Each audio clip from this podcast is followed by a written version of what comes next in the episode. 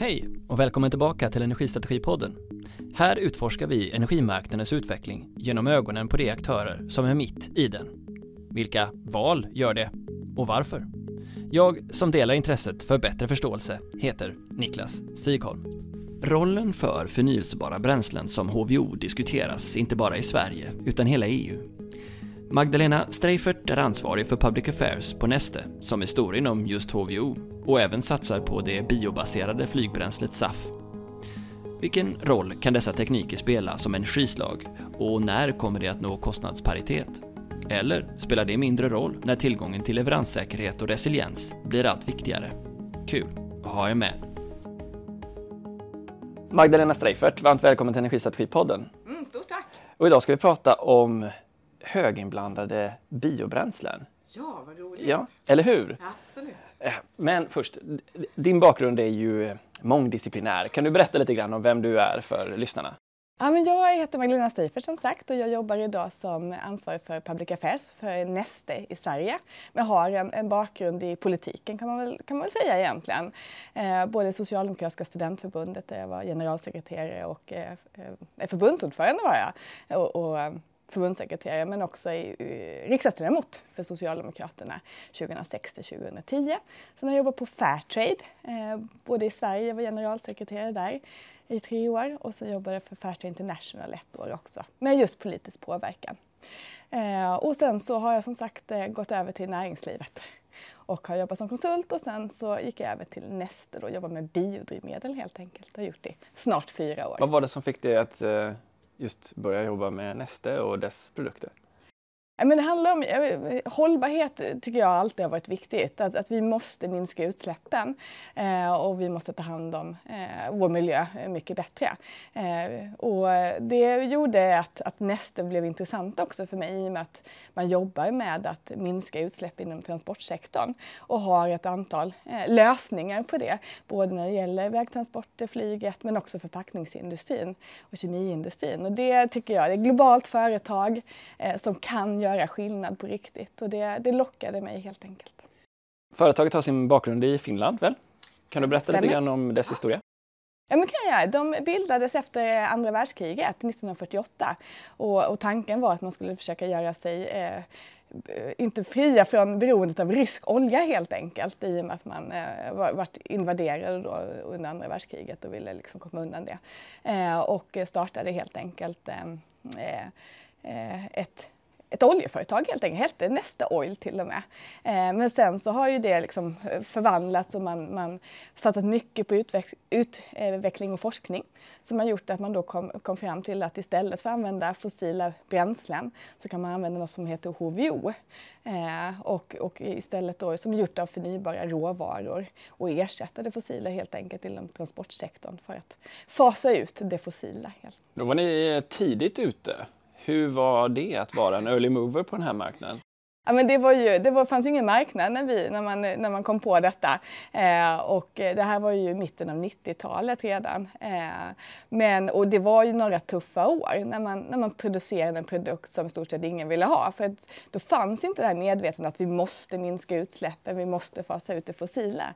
För det fossila ska vi också komma ihåg är, är billigare att producera, har inte alls de hållbarhetskriterier som, som det förnybara drivmedel har. Men till slut så blev det faktiskt så att det, det började att, att efterfrågas. Där de nordiska marknaderna, Finland och Sverige och Norge var de som gick före och insåg att ja, men här, här måste vi minska utsläppen. Transportsektorn står för en ganska stor del i, i våra länder för de utsläpp som, som görs och, eh, och, och då kom, eh, kom våra produkter att bli mer eftertraktade och därmed så gick vi helt plötsligt med vinst igen. Så att man var väldigt nära nästan att gå i konkurs.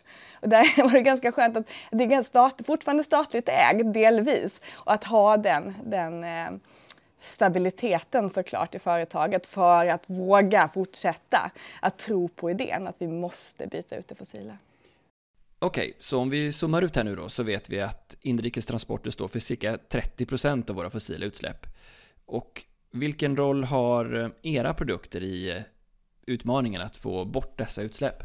Ja, men den har en, en, en, del, alltså vi ska också komma ihåg att fortfarande så är det ju det mesta eh, alltså, drivmedel som används är ju fossilt. Eh, vi står för, för, en, för en liten del eh, utav det. Eh, kanske 4 procent, någonting 5 procent. Eh, sen har vi elektrifieringen som står för tyvärr också en, en liten del. Eh, så att här behövs ju både och. Eh, men det som vi ser det är ju att det finns ju potential att växa. Sen har ju Sverige gått före och tittar vi på den rapport som kom 2021, eller 2020 helt enkelt från, från Energimyndigheten. Det är tyvärr den senaste rapporten. Det kommer snart en ny. Så ser man ändå att eh, av de drivmedel som såldes i Sverige så är det 24,4 procent som består av förnybart. Så att här har ju Sverige gått före. Eh, och jag tycker fortsätta ska göra det för att vi vet om att eh, det fossila måste fasas ut. Vi ser också nu med invasionen av Ukraina att vi kommer ha en brist på fossila bränslen och det är väldigt dyrt. Så jag tror att Sverige vinner, både på eh, att använda mer förnybart, både att vi minskar utsläppen, men vi är också oberoende av länder som Ryssland och Saudiarabien och andra. Eh, och vi ser till att vi har, kan ha produktion i Norden och i Sverige av förnybart. Det gör ju också att vi har ett bättre säkerhetsläge. Vilken funktion fyller då HVO exempelvis? Eh, vilken del av marknaden kan man säga, tillmötesgå i form av deras behov? Mm. Men det är ju, HVO är ju för dieselbilen. Eh, och där är det ju så att vi använder förnybara råvaror såsom slaktavfall, använder matolja och restströmmar från livsmedelsindustrin som processas och, och får ungefär samma kemiska sammansättning som den fossila dieseln. Och då kan man antingen blanda in det i den fossila dieseln som gör att man minskar utsläppen. Reduktionsplikten. Det kallar vi reduktionsplikten. Men man kan också sälja den ren. Det kallas för HVO 100. Så, att, så att, eh, det gör ju att du kan minska utsläppen med, beroende på vilka råvaror du använder, mellan 80 och 90 procent jämfört med fossil diesel. Och det här kan ju då blandas in, eh, det reduktionspliktiga i alla dieselbilar Eh, och HVO100 i de allra flesta eh, lastbilar. För väldigt många, 90 procent av alla tunga transporterna består av dieselmotorer. Så det är en viktig del. Men också många av de eh, personbilar som, som finns ändå av dieselmotorer. Även om alla inte är godkända än för HVO100 så tror vi att det kommer, kommer att ske. Så, så vi står väl för en en del av marknaden. Sen behöver vi hitta lösningar för bensinmotorerna också såklart. Eh, och det, där har vi ju forsk utvecklat eh, något som eh, förnybar bensin eh, som också kan minska utsläppen med upp till 60-70 procent. Men där, vi är inte där än. Vi har, vi har testat också kommersiellt och nu tittar vi på om vi ska göra någon investering eller inte kring, kring den delen. Ja, jag tänker att den här typen av eh, Eh, förflyttning från eh, fossila bränslen måste vara särskilt viktigt för den tunga lastbilsdelen eh, av, av marknaden eftersom där batterierna både blir tunga och kanske inte kan ta de tunga lastbilarna den distansen som behövs plus att det finns ett, ett tillkortakommande av effekt helt enkelt i nätet som det ser ut nu. Stämmer det att det, det är där ni skjuter er in för att kunna ta dem? Man kan väl se just när det gäller HVO så ser vi ju en, en utveckling såklart mot tunga transporter. Vi har ju först personbilsflottan som, som vi ser eh, elektrifieras mer och mer. Eh, eh, och det gör ju att, att då kan man flytta över eh, den delen biodrivmedel såklart till tunga transporter. Så det, för den kommer, det kommer dröja längre innan den elektrifieras. Men sen så har vi ju också flyget som vi också producerar eh, förnybar flygbränsle till eh, som består av samma eh, råvaror kan man säga. Så, så där ser vi ju en, en, en förflyttning egentligen vad, vad vår, kommer vara våra viktigaste marknader om man så säger. Med det sagt så tittar man på EU så är det tyvärr bara 10 av, av bilflottan, personbilsflottan som är elektrifierad. Så att ibland, så, ibland tror vi nog, det låter nästan som det när man lyssnar på de politiska debatterna, att elektrifieringen är snart liksom klar på personbilsflottan. Det kommer att dröja. Eh, men vi ser ju också, vi måste ju se framåt som företag. Eh, så att vi är ju inte oroliga, tvärtom. Alltså förnybara drivmedel kommer behövas, elektrifiering kommer behövas, vätgaslösningar, biogas. Vi kommer också att se över hur vi transporterar oss, eller om vi ska transportera oss helt enkelt. Digitaliseringen gör att man kanske kan undvika vissa, vissa resor. Att jobba hemifrån gör att vi kan använda mindre drivmedel och så vidare. Så att, jag tror att för att fasa ut det fossila så kommer allting behövas. Så att, eh, för vår del, vi är inte oroliga. Eh, och sen ser vi också, vi utvecklar ju vår råvarubas. Ibland säger man att det kommer inte finnas tillräckligt med HVO eller med biodrivmedel. Men vi, ser, vi satsar ju väldigt mycket på utveckling och forskning och vi ser att det finns ett antal olika spår där vi kommer kunna utveckla och använda fler och nya råvaror. Vi kommer tillbaka till det tänker jag. För att, så att, eh, vi, eh, vi hänger oss kvar vid, eh, vid den här värdekedjan. Tänker jag. Du började beskriva det att ni använder dels animaliska fetter och annat. Men var producerar ni? Hur ser värdekedjan ut för att ta fram HVO? Mm, ja, men, bra fråga. Vi har, vi har tre stycken raffinaderier. Vi har ett i Borgå, Finland, Rotterdam eh, i Holland och sen har vi Singapore. Eh, och sen råvarubasen kommer ju från stort sett hela världen. Eh, så att vi är ju vi är ett globalt företag på det viset. Eh, och som sagt, den, eh, de Eh, använda matoljan och, och slaktavfall i eh, Australien, Nya Zeeland, Sydostasien. Det går ju till raffinaderiet i, i Singapore och sen har vi rätt mycket slaktavfall också i Europa eh, som, som går till Rotterdam och till, till Finland. och sen så har vi också, vi kommer från och med nästa år också ha i USA ett raffinaderi tillsammans med eh, Marathon Petroleum där vi kan producera en miljon eh, ton faktiskt per år. Så att, och, och, då kan vi samla in eh, de eh, råvaror som finns där. Så det är ju mycket för livsmedelssektorn, så det är ju rest och avfallsströmmar i mångt och mycket eh, som, som går till våra raffinaderier. Hur välutvecklat eh, är den här marknaden? Om, efter det att den här oljan som har friterat mina pommes på någon av snabbmatsrestaurangerna, ja. kommer den till er då? Eller hur, hur ser ja. Ja men precis, ja, men det är svensk eh, fettåtervinning, jag vet inte om du känner till dem, men de, de, de samlar ju in och det är de som vi köper de här eh, matolje, använda matoljorna av. Så det är helt riktigt att när du har ätit dina eh, pommes frites eh, som har blivit friterade där, så den använda matoljan, den samlas in helt enkelt och, och, och den köper vi upp. Och den går ju eh, till till Borgå, Finland, det är oftast det enklaste. Eh, och där raffinaderas. Och så samlar man ihop de olika rest och avfallsströmmar som kommer från, från närområdet helt enkelt. Och sen så eh, tar man bort de fettsyror som finns i de här Eh, eh, råvarorna och därmed kan man, nu förenklar jag processen. En teknolog skulle säga att, oh, gud, jag tycker det är lite pinsamt, men jag, jag är statsvetare och därmed får jag göra det, tänker jag. och sen så blir det då eh, förnybar diesel helt enkelt, som sen då fraktas till de olika marknaderna. Och hur ser det ut globalt då? Hur välutvecklad är den här supply chain-delen? Eh, Ja, men den är ju, Nesta har ju jobbat med det här i så många år också, så för vår del så är den väldigt välutvecklad. Vi har förbättrat vår logistikkedja, vi har förbättrat vår förteknik som gör att vi kan använda mer lågkvalitativa livsmedelsströmmar. Vi har väldigt mycket kontakt med våra leverantörer och, och hittar hela tiden nya leverantörer. Så vi ser att det som är fördelen med det här, man, man tänker på det här med cirkulär ekonomi som har blivit väldigt, väldigt viktigt och trendigt. Men det gör ju att det som tidigare slängdes eller var en kostnad helt plötsligt för vissa företag då har blivit en, en inkomst. Så istället då för att behöva betala för att någon ska hämta den använda matoljan från eh, restauranger eller annat eller slaktavfall som inte går att äta så kan vi eh, köpa det istället och, och använda det till att göra biodrivmedel helt enkelt. Sen kan det användas också till, till annat, till djurfoder eller till att göra ljus och eh, kemiindustrin och så vidare. Men det är ju det som är så fantastiskt tycker jag med det här, att det blir en cirkulär lösning. Och det är, för vår del är det utvecklat. Sen har ju vi jag älskar ju att prata om vårt hållbarhetsarbete. Vi har ju också utvecklat eh, ett, ett, arbete med att se till att screena våra leverantörer så de, de håller de Eh, kriterier, hållbarhetskriterier som vi har satt upp. De följer vår uppförandekod.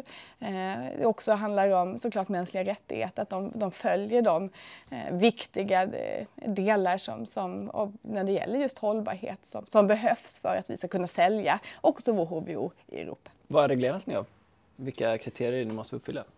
Men vi har ju, det ju, finns ju hållbarhetskriterier för biodrivmedel eh, som är beslutade på EU-nivå som, som alla länder måste följa som, som handlar om just hur att det måste vara tredjepartscertifierat, det måste vara spårbart, eh, hur man räknar ut eh, utsläppsminskningar och så vidare och, och, hur man, att det får liksom inte skada området på olika sätt. Det finns markkriterier som vi behöver följa. Så, så det är väldigt noga reglerat utifrån de EU-direktiv som finns. Eh, vilket jag tycker är bra. Det man väl kan fundera över är att det fossila är ju inte alls reglerat. För det är så komplicerat. Eh, det gör ju såklart att det blir att produktionen av HVO blir något dyrare än produktionen av fossil när man inte behöver lägga ner så mycket tid och resurser på uppföljning och på, på certifiering. Och, för vi finns ju på plats i de här områdena. Så det är inte bara att vi litar på ett, en tredjepartscertifiering utan vi ser ju till att, att finnas där och följa upp och, och ge stöd också till leverantörer så att de kan uppfylla de här kriterierna. Ja, men om vi dyker in på den här kostnadsfrågan då, för den har ju också varit en del av den politiska debatten. Om, vad är det som är värt att gå före och inte och vad, vad kostar en vid pump och sådär. Mm så hållbarhetskriterierna är ju en del av förnyelsebartdirektivet som driver era kostnader, det förstår jag. Men annars vad gäller kostnadsparitet, hur ser utvecklingen ut på kostnadssidan för att ni ska kunna, antar jag, nå ren konkurrenskraft med eh, de fossila drivmedlen?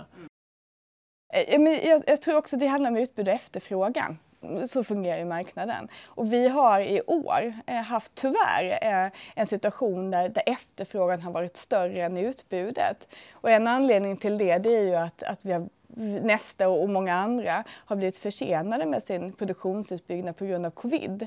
För det gjorde att, att arbetsplatser stängdes av och man kunde inte bygga ut i den takt som man hade behövt eller velat. För tanken var att mycket skulle vara klart för i år. Eh, och för nästa del så handlar det om att vi går från 3,2 miljoner ton till faktiskt nu nästa år 5,5 miljoner ton.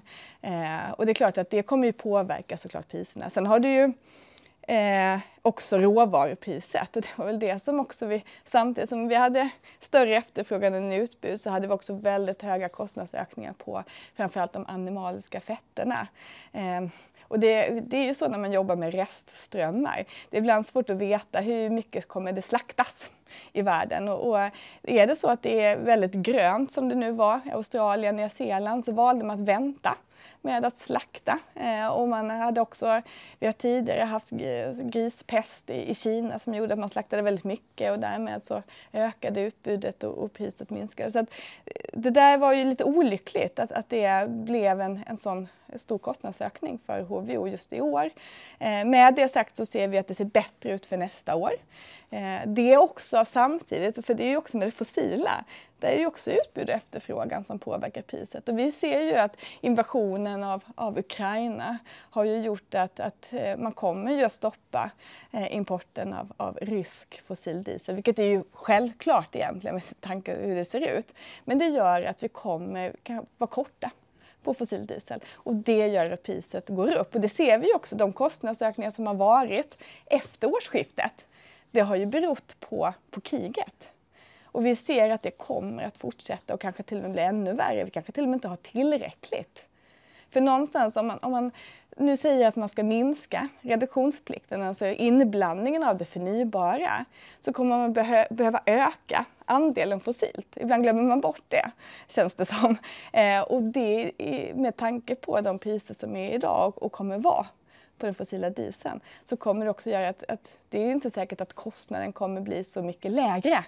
Det är samtidigt som vi ökar utsläppen och minskar investeringsviljan för produktion i Sverige. Så det är en fråga om att den här branschen behöver skala innan kostnaderna kan komma ner? Exakt.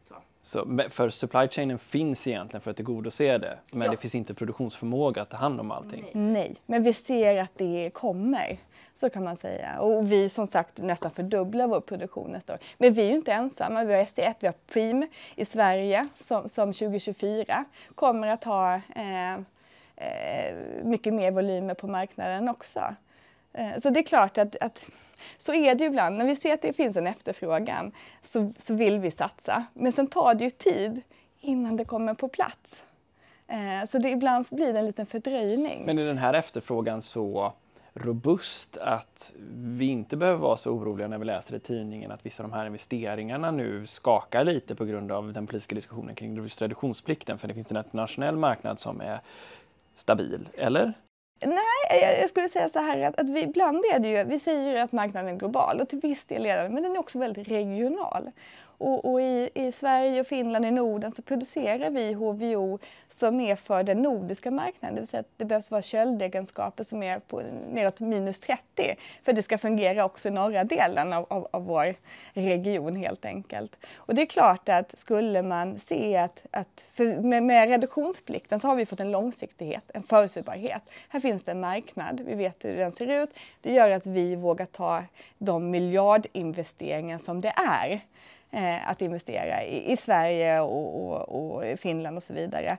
Eh, och det är klart att eh, skulle man, eh, det är klart att man kan sänka lite något, det är inte det. Att, att man gör justeringar, vi ser att elektrifieringen ökar mer och då kan man justera ner reduktionsplikten något för att nå målet om att minska utsläppen inom transportsektorn med 70 procent. Men att gå från 30,5 procent som vi har i år och som kommer också bli nästa år, för det har man ju också, man har pausat den, till 6 procent.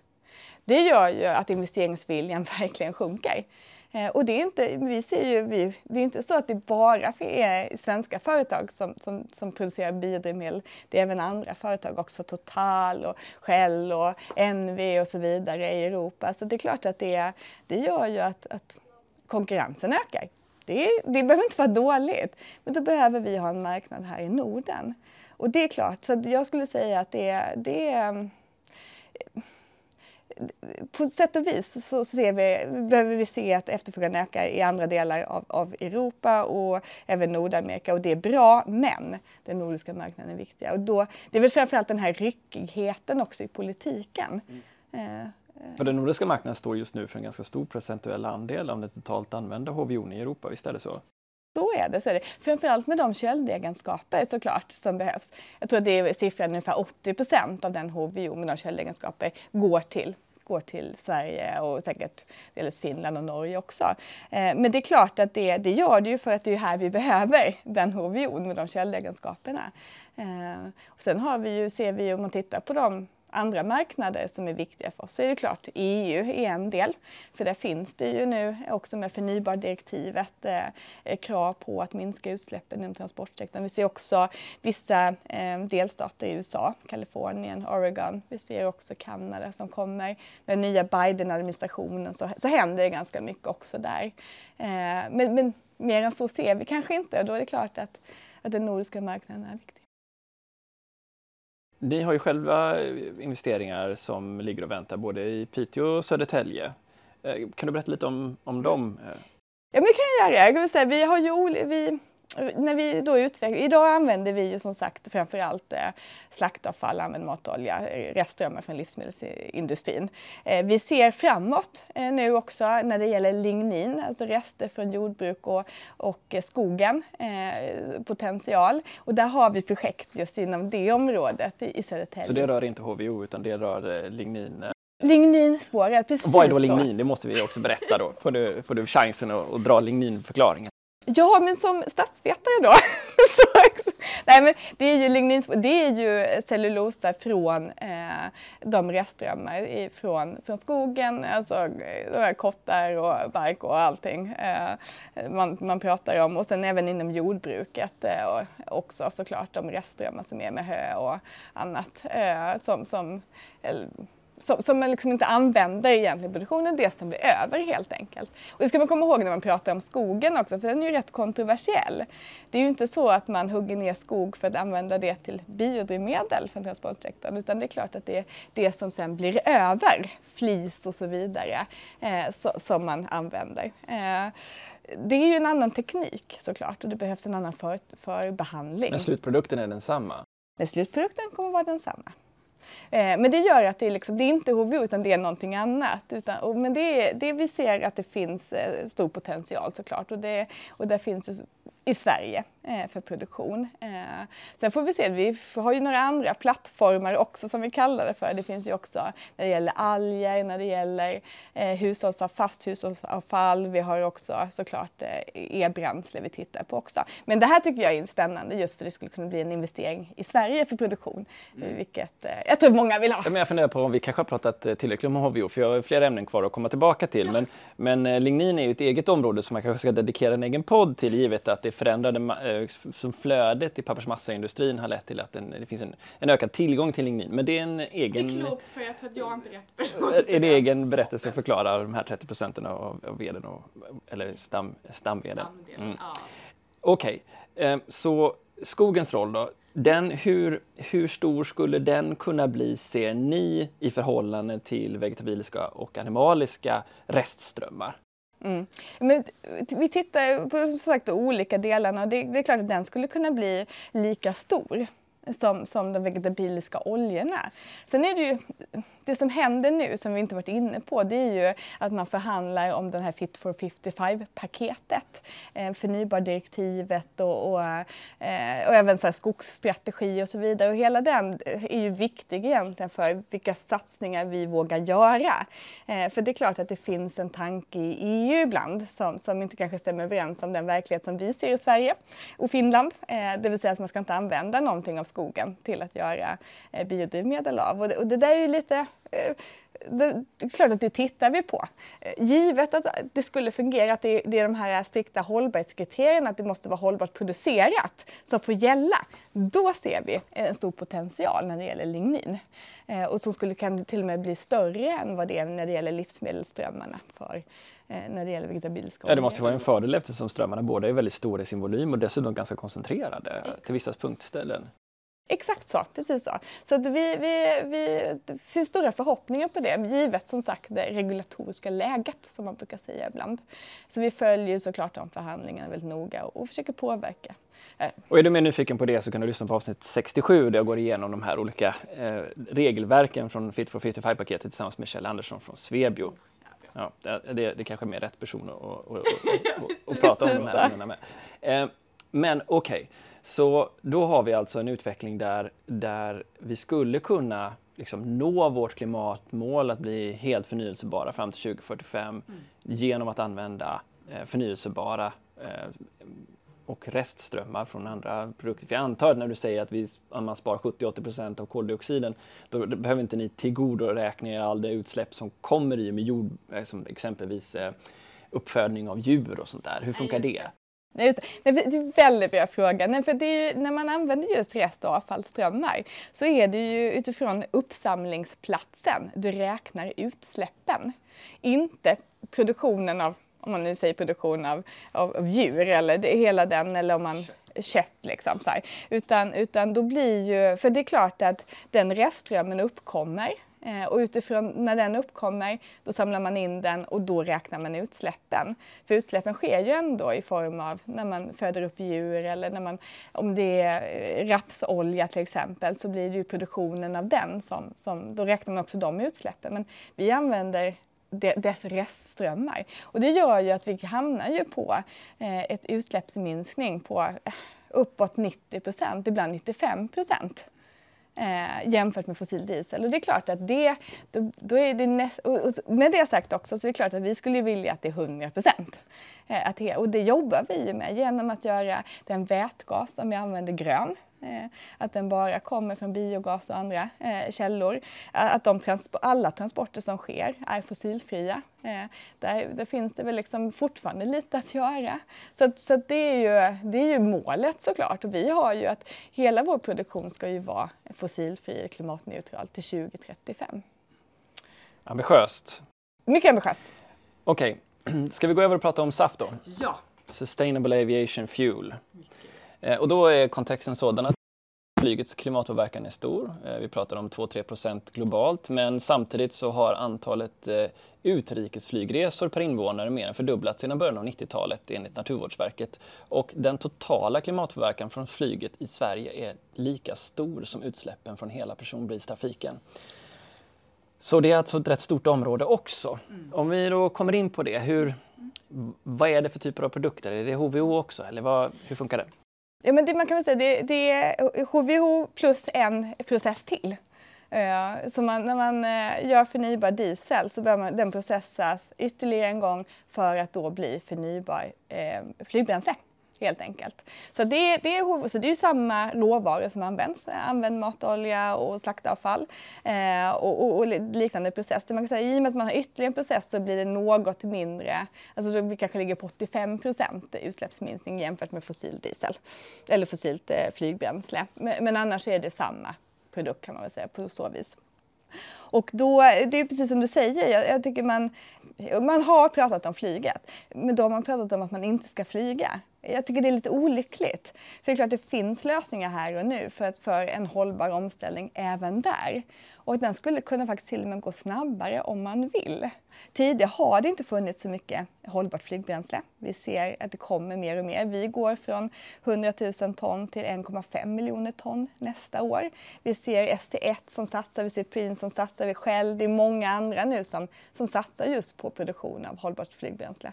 Och tittar man på elektrifieringen där, då har inte den samma möjligheter som personbilstrafiken. För där vet vi om att även om, om det finns eh, och kommer finnas inom ett par år så är det korta distanser eh, eh med färre passagerare. Och det gör ju att det fortfarande en, den stora delen av, av flyg, flygningarna kommer behöva göras på annat sätt för att den ska bli hållbar. Och då är ju SAF som sagt eh, en viktig lösning. Eh, tillsammans med vätgas också, men det ligger lite längre fram i tiden skulle jag säga. Eh, så, att där ser vi ju att det är, eh, vi skulle önska att man pratar mer om eh, flyget och en snabbare omställning. Eh, man är rädd att det kommer kosta eh, samtidigt som vi säger jag tror att det måste. Omställning måste ibland få kosta. Sen kan man hjälpa till genom att göra det enklare att välja rätt. Eh, allt från det att man har ett energiskattedirektiv som håller på att förhandlas nu där man beskattar det fossila mer och det förnybara mindre. Eh, men också, vi har ju vissa SAS och, och, bra flyg som idag erbjuder såklart att man kan kompensera, inte kompensera, reducera helt enkelt. Eh, din flygresa med 100 SAF redan idag kostar inte så mycket. Det är någon hundralapp, 200 lappar. Det är den där eh, eh, baren man får när man bokar en flygresa, hur mycket du vill lägga till. Exakt så.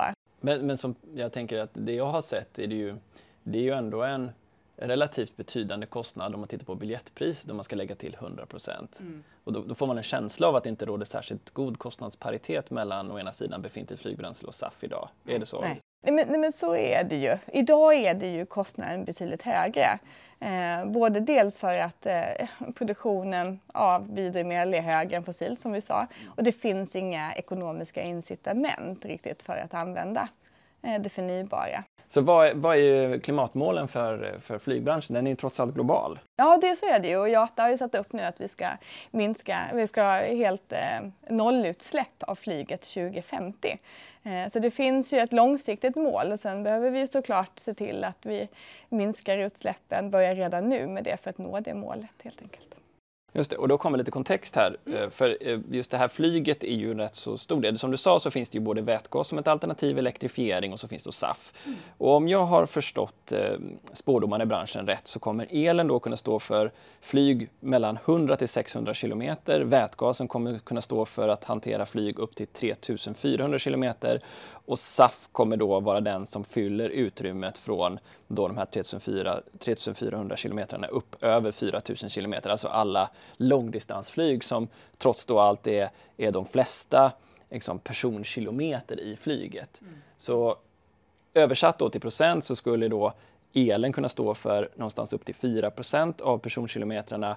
Vätgasen kanske då framåt en 2028, 2030 kanske stå för upp till på, teoretiskt upp för 30 procent och resten skulle vara SAF fram till 20, 2050. Det är, en, det är en enorm marknad. Så, så, är det absolut. Man ser ju också, vi har ju beslutat i somras om en ny investering att bygga ut i Rotterdam eh, på ungefär 1,4 miljoner ton per år från 2026. Och mest av det, 1,3 miljoner ton, det är ju SAF.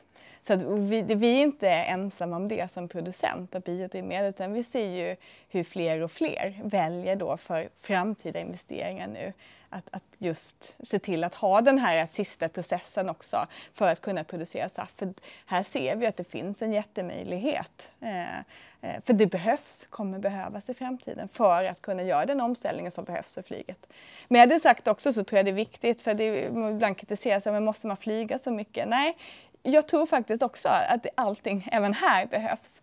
Eh, och, och, vissa affärsresor kanske inte behövs göras längre eftersom vi har nu eh, utvecklat digitalisering. Det var väl liksom i, i spåren av covid som var en fruktansvärd pandemi men, men gav oss ändå några verktyg för, att, för, för en hållbar omställning.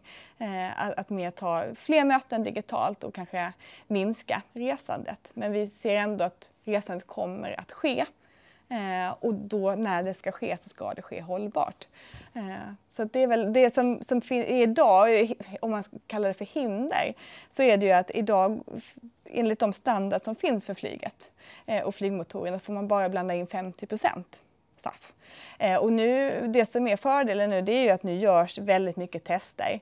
Vi har ett samarbete med ATR och Bra Flyg. Vi har också med Airbus där vi gör tester på 100% SAF i båda motorerna som gör att vi hoppas och tror att vi kan eh, inom, inom ett par år eh, få till en certifiering av 100% SAF så det är möjlighet att, att blanda, eller inte blanda in utan att, att använda det helt enkelt för att minska utsläppen ytterligare.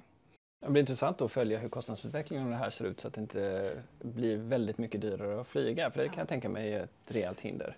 Så är det absolut och det är väl där egentligen vi behöver också hjälp från EU när det gäller just det här med beskattningen. Eh, att det fossila beskattas mer än, än det förnybara. Men sen är det såklart också så att eh, det är ju alltid svårt att veta eh, vad som händer. Och det ska man liksom, men det är klart att vi ser ju att, att eh, när man, vi vet alla om att vi behöver fasa ut det fossila. Eh, det är klart att vi ser också att det finns brist på det med de omvärldsfaktorer som finns just nu när Rysslands invasion av Ukraina. Det är klart att det kommer öka kostnaden för det fossila. Och samtidigt som vi skalar upp produktionen av, av biodrivmedel och SAF Eh, så att, så att vi har ju man kan ju aldrig lova någonting, jag vill bara ha det sagt när det gäller priserna. Men vi, vi ser ju, det är ju en viktig del såklart, att det ska vara, det ska inte eh, vara så att, att det eh, är, är omöjligt ur ett kostnadsperspektiv att använda SAF helt enkelt. Men hänger era investeringar, om ni ser på er investeringspipeline, hänger det ihop med den här, om man tänker då Piteå Södertälje, hänger det ihop med utblicken om en stor tillväxt just inom SAF? Eller vad, vad tror ni? Jo, men så, så är det. Det är ju det vi ser också, att, att de, eh, de kommande investeringarna som vi gör kommer framför allt att handla om hållbart flygbränsle. Eh, med det sagt så har vi, vi har en tredje del också. Jag förstår att det är, man hinner inte diskutera allt men vi har ju också att vi, vi hjälper till att fasa ut det fossila också inom kemiindustrin och förpackningsindustrin. Vad handlar det om? Det handlar om att man eh, återigen använder de här förnybara råvarorna eh, i produktion utav eh Eh, förpackningar och, och annat för att, eh, och, och kläder och annat. Att, att fasa ut det fossila som finns egentligen. I vad heter den produkten? Är det en annan kemisk sammansättning än HVO eller är det samma? Eller vad? Det är ju delvis samma teknik om man så säger. Eh, och sen har vi, vi återvinner plast också. Det är en del utav det eh, såklart. Och den är en viktig del av det. Vi har sagt att 2030 så ska eh, vi återvinna en miljon eh, plast för, att, eh, för förpackningsindustrin. Då. Eh, men det är, men, och, och, med, och lite liknande råvaror med då det här med plasten också som del. Den heter, alltså det är så här, vi, här är vi när det gäller vägtransport och flyget så är vi ju mer en del av eh, produkten. Alltså vi, vi, lanserar en produkt, eh, SAF och, och HVO. Här är vi mer en del av, av eh, kedjan kan man väl säga. Så att vad vi står för det är råvarudelen och den processen. Och sen står andra för andra delar. Så att det är ingen produkt på det viset, även om vi, om vi har ett namn för det. bara så att det, är... det är som en kemisk insatsvara som ni tar Exakt så som kan användas för eh, fasa ut det fossila helt enkelt. Ja, för ni gör en stor satsning på förvätskning av återvunnen plast. Exakt så. så ökar det möjligheten att ta vara på plasten. För vi har ju tidigare sett att råvaruströmmarna just från plast har varit ganska svåra att ta hand om. Bara en, hälften av plasten ja, som samlas in. Inte ens det, jag tror är 20 procent. Precis, det, jag vill också säga mindre men det är en, en, inte alls så mycket som man kan tro när man sitter där hemma och, eller står där hemma och plastsorterar. När stort plastsorterar om man önskar att det var så men, men tyvärr. Finns det möjligheter där att öka upp då mängden, mängden plast som kan användas öka cirkulariteten? Ja, det är ju det, är det vi, vi hoppas på, eller vi ser och vi har gjort tester nu som visar på att det går eh, på vårt raffinaderi i Borgå. Så att vi, behöver, vi vill sikta på att skala upp det helt enkelt. Eh, och kunna använda mer av det som samlas in av plasten till att, eh, till att eh, gå tillbaka igen i flödet. Så cirkulariteten är alltså en del av grejen. Vi har pratat om eh, vegetabiliska fetter, animaliska fetter, vi pratar om lignin som är restprodukt från, från pappersmassaindustrin, vi pratar om restprodukter från plast här. Mm. Hur, eh, hur ser det ut med cirkulariteten från exempelvis kraftvärmebranschen? Finns det sådana kopplingar också? Där har det varit mycket diskussioner om pyrolys och skapandet av mm. syngas till slutändan där. Mm. Hur ser ni på det? Jo men det finns ju, alltså vi använder ju eh, eh, det är ju, sam, det är liknande råvaror som går in också här. Eh, så det, det, är, det, är inte vårt huvudfokus, det kan vi väl säga också. Eh, på, eh, så därav så, så, eh, det tror jag andra är bättre på, ska jag vara helt ärlig med att säga. eh, utan, utan det, är ju, det som är, det är klart att vår HVO används också som, som i, i eh, eh värmeindustrin eh, såklart. Eh, men att vi, vi har inte vi, vi har tre eh, pelare som vi står på. Det är vår eh, del. Sen får vi se vad som händer såklart. Men, men det är HVO till vägtransporter, det är SAF till flygbränslet och sen också förnybara råvaror och återvunnen plast till förpackningsindustrin. Så jag är ledsen Niklas, du får bjuda in någon annan. Det, det avslöjar någonting om förmodligen hur ni ser på kostnadsläget i olika delar av, av Exakt, jag säger inte mer. Men då så, vi, vi tittar lite på de uh, utvecklingsområden som ni också satsar på. Lignin har vi varit inne på. Du nämnde alger, du nämnde fast hushålls... Du har inte nämnt fast hushållsavfall, men så är ni också Power to X. Det blir ju ett brett kartotek här. Men uh, vad ska vi välja då? Lignin har vi pratat om, men alger, vad är det? Eller, det Jo, jo ja, ja, precis. Så. Nej, men alger är någonting som vi har tittat på under ganska lång tid egentligen och den är, den är rätt komplex. Eh, men, men det är klart att vi ser en möjlighet att använda eh, de fettsyror som finns i algerna till att, att göra drivmedel utav. Eh, vi har nu börjat samarbeta också med livsmedelsindustrin för det är klart att eh, den kan ju också, den andra delen kan användas till, till livsmedelsproduktion eh, i större omfattning. Och, och vi, den andra delen, vad menar du? Nej, men när du tar ut, ja precis, i, algerna är ju, vi tar ut fettsyrorna, då blir det ju kvar resten.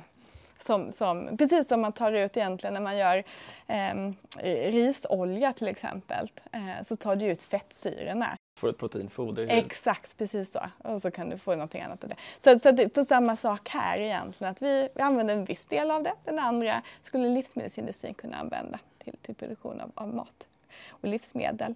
Eh, vi har ett antal testbäddar eh, som, som, som vi eh, eh, som vi nu ser över, eh, tittar på eh, och ser hur vi kan få det att kommersialiseras helt enkelt. Eh, när det gäller alger så, så trivs de bäst i varmare klimat. Då kan man väl säga att Sverige kanske inte är, är, rätt eh, än så länge. Det är klart att vi ser med klimatförändringar att det, det händer saker men det är framförallt vid ekvatorn som vi ser eh, att det här kan vara odlingar av alger som gör att vi sen kan använda delar av fettsyrorna. Men det är ingen, det är ingen investering som ligger långt fram i pipelinen? Det skulle jag inte säga eh, än så länge utan, utan det är ju alltid så att även om en teknik kan fungera så behöver det också eh, vara kommersiellt gångbart ekonomiskt. Och det är väl där som man behöver också hitta de eh, delarna. Eh. Fast hushållsavfall då, ja. vad är det? Eh, ja men det är ju det som idag inte som vi samlar in, som vi inte återvinner i så stor utsträckning. För som går till förbränning? Då, som går till förbränning. Eh, och istället då eh, kunna använda just av det eh, och eh, göra drivmedel Eh, Eh, biodrivmedel tycker vi skulle vara bra.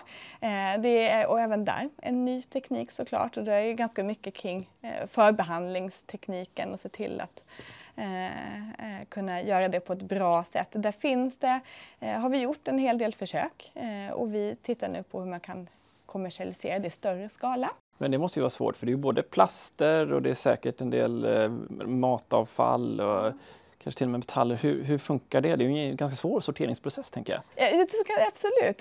Matavfall det är liksom inte fast hushållsavfall enligt oss utan det där tror vi det går biogas och det går till, till annat. Den, är rätt, den delen är rätt enkel. Där hoppas vi bara att fler kommuner väljer att, att återvinna det på ett bra sätt och så vidare. Utan det är egentligen resterande delen av hushållsavfallet som, som, som idag inte återvinns, precis som du säger, för att det är så svårt att Eh, behandlare behandla det helt enkelt. Eh, men eh, jag kan ju inte avslöja exakt hur vi, vilken teknik och hur vi gör och så vidare. Det, det kan ju vara konkurrenter som lyssnar på detta. Men, men det, är, det är spännande för det är klart att vi, det som är viktigt för oss och för att vi ska få det här att fungera det är ju att vi kan använda livs, alltså strömmar som, som inte används idag till att göra drivmedel utav. Eh, utan det gäller bara att hitta en teknik som inte är för dyr. Det gäller ju ligninet också, så att det blir kommersiellt gångbart. Eh, men här finns det, finns det stora möjligheter. Det är framförallt också flygbränsle som vi ser som eh, slutprodukt på det. Vi hoppar över till Power to X. Ja. Låt oss, eh, det här är alltså då e-bränslen som det kallas mm. Och brukar normalt sett vara antingen ammoniakderivat mm. eller metanol. Mm. Vad är det ni ser där? Ja, men så här är det att vi tittar ju väldigt mycket på det. Vi, eh, vi stänger inga dörrar. Utan, utan det som vi, vi fick faktiskt medel här från EUs innovationsfond till att kunna fånga in koldioxid eh, från vårt eh, raffinaderi i Borgå. Eh, vilket vi har börjat med eh, att bygga ut nu. Eh, vilket vi, vi är en är väldigt bra eh, förutsättning för att kunna göra såklart e-bränslen. Eh, för det du behöver också, sen behöver du billig el. Eh, det är ju en liten brist kanske just idag kring det. Eh, men, men där har ju vi, vi får vår energi från, från vindkraftverk idag. och det är positivt såklart. Vi sen I Finland har vi kärnkraft och det finns ju de som hävdar för mitt företag att det behövs kärnkraft för att det här ska fungera också lägger mig inte i den debatten tänker jag säga. Eh, men, men sen är det ju, så, så, det är klart att idag ser vi ju att det, tekniken eh, finns som vi ser, tror vi. Eh, det som vi ser det är väl att man behöver göra det i anslutning till, till industrin. Eh, det tror vi på. Eh, och där gör vi ju nu försök i Borgå då, på vårt raffinaderi för att se till att det ska fungera. Vi tror att vi kan, kan ha volymer kanske 27, 28, 26, 27, 28 i slutet av uh, här. Uh, men men det, det viktiga såklart är ju också till vilket pris. Uh, och här behövs det ju billig förnybar eller fossilfri el helt enkelt. Så att jag tror att det är väl det, det kanske där utmaningen ligger när det gäller just e-bränslen egentligen. Det är en fantastisk möjlighet. Det behövs ju inga andra råvaror så man tar ju inte det någon annanstans ifrån utan dessutom fångar du in koldioxid. Det gör ju också att du kan till och med ha eh, så kallade minusutsläpp som man kallar för, det vill säga att man kan minska utsläpp med 120 procent jämförelse med fossilt för att just du fångar in dessutom koldioxid. Så jag tror att den här, det här är en teknik som kanske framförallt är till för flyg och för eh, sjöfarten. Kanske inte så mycket persontrafiken för där kommer det, det, där kanske det är mer effektivt att, att elektrifiera om det ska vara rent kass. Eh, men vi ser att det framförallt finns möjligheter där att, att, att det finns ju, kan bli rätt stora volymer e-bränslen som, som kan ersätta det fossila inom flyget och, och sjöfart. Och sjöfarten också, ja. Just det. den ska vi inte glömmas bort. Det här tror vi. Så att, men, men jag kan väl säga så här att det är väl, det är väl ett, det är ju det är elen såklart en, en viktig del i det hela. Men jag tänker så här då, om jag lyssnar på dig så lägger ni ju en veritabel bombmatta på alla typer av tekniker nu där ni satsar ganska brett i alla restströmmar som ni egentligen kan hitta. Eh, och så då tänker jag att de investeringar ni de facto gör det är på ligninsidan, det är på SAF-sidan och på HVO-sidan då såklart. Det är där marknaden har kommit längst. Det andra är ni att pilla lite på och behöver stöd från EUs fond för att utveckla och så vidare. Man kan säga att ligninen har vi inte investerat än i. Jag vill bara så punktera det. Den ligger närmast till hands, så kan man säga. Ja. Så, att, så det inte blir något... Eh, nej. nej. Så vi, vi, alltså den HVO-tekniken då, som, där vi också kan utveckla SAFen, det är ju det som vi eh, har investerat och, och har ju tagit ett investeringsbeslut på. Sen är det precis som du säger, sen, sen håller vi väldigt många dörrar öppna. Vi har ju vi är ungefär 5 000 anställda på Nästa globalt. Ungefär 1000 av dem jobbar med utveckling och innovation. Så det är en väldigt stor del, väldigt många teknologer eh, som, som, som jag har att göra med. Mycket spännande. Eh, och, och, där vi har då ligninen som har kommit längst skulle jag säga. Eh, och där det också finns förutsättningar för produktion i Sverige. Eh, utan att lova någonting som vanligt utan det handlar om massa olika faktorer. Där. Och sen har vi då fast hushållsavfall, vi har algerna och vi har e-bränsle. Och, och där fortfarande har vi, har vi inte tagit har vi inte stängt några dörrar helt enkelt utan vi, vi tror att det är viktigt för att det kommer behövas mer råvaruinsatser eh, för att, för att skala upp det här. vi ser att det kommer behövas mer biodrivmedel för att kunna fasa ut det fossila. Eh, men och i slu, någon gång kommer ju beslut behöva tas. Vad investerar vi i? Eh, så att, men där är vi inte riktigt än. Utan vi, vi, tror, och det kan vara att det kan bli investeringar på flera områden såklart också. Beroende på vad, vad man kommer fram till. Men det ligger ju uppenbara långa i, i, i klimatomställningstrenden, den makrotrenden att vi måste gå från eh, eh koldioxidtunga eh, råvaror till, till restströmmar och annat. Och det, så, det, så, det, är jag med på. Mm. Och samtidigt så är ni väldigt beroende av att eh, ju, eh, lagstiftarna följer med och vågar göra detta. Hur bedömer du läget nu givet vad som händer i omvärlden? Är, är fortfarande den klimatrörelsen robust? Jag förstår att ni vill tro det, men vad, vad, ser, vad ser ni i kikaren ja, i relation till marknadsosäkerheter och politiska risker? Mm. Nej men, nej men så är det ju att vi ser ju en osäkerhet såklart eh, kring de här frågorna. För när, när andra frågor dyker upp eh, som den ryska invasionen av Ukraina, vi har covid. Det är, det är kriser som gör och det, eh, det, är ganska dyrt för människor idag att köra bil eller och, och värma upp hus och så vidare. I det läget kan vi se att klimatet sjunker rätt långt ner på den politiska dagordningen. Det tycker jag den här valrörelsen har visat. Eh, vilket, vilket är såklart det är, olyckligt och, och, det är klart att det är samma sak i EU. Och där man från början egentligen, eh, när man diskuterade det här Fit for 55, såg, ser om man så, elektrifiering och vätgas som de enda lösningarna. Och, och inte tycker att biodrivmedel är egentligen speciellt eh, intressant. Eh, och det, det, det, är ju såklart väldigt olyckligt när det kombineras dessutom. Eh, men vi hoppas och tror väl någonstans att, att vi ser ju, nu har ju, blev Sverige inte lika hårt drabbat, men vi kan ju se nu i Europa med den hetta som har varit under sommaren med bränder och jättestora utmaningar att klimatet, ja, mm torka. Och, och, och, och, nu Pakistan, en tredjedel ligger under vatten. Alltså, det är klart att klimatförändringarna sker här och nu. Och, när, så fort det kommer nära så ser ju, vi ser ju, nu är det en helt annan diskussion i Europa, i andra länder och, och kring de här frågorna. Så att, de kommer inte försvinna. Utan, utan jag är helt övertygad om att, att det här, så fort det kommer nära oss igen, så kommer det här komma högt upp på dagordningen. Och egentligen så är vi ju överens. När man frågar politiker så är alla överens, stort sett utom Sverigedemokraterna då, eh, att vi behöver fasa ut det fossila. Och vi behöver inte bara fasa ut det fossila, för det är ju också, kommer ju från länder som, som kanske inte alltid är så demokratiska och, och där säkerhetsläget är ganska osäkert. Och det är ju också när vi, det som händer nu ju, när, när elpriserna ökar eh, och gaspriser och så vidare, det blir man blir ganska nationalistisk. Vi ser i USA hur Biden har sagt att nej, men vi ska nog inte exportera det vi producerar i USA. Indonesien hade ju exportförbud på palmolja för att man såg att det, liksom, det blev för dyrt. Eh, eh, vi har Norge som också pratar om detta.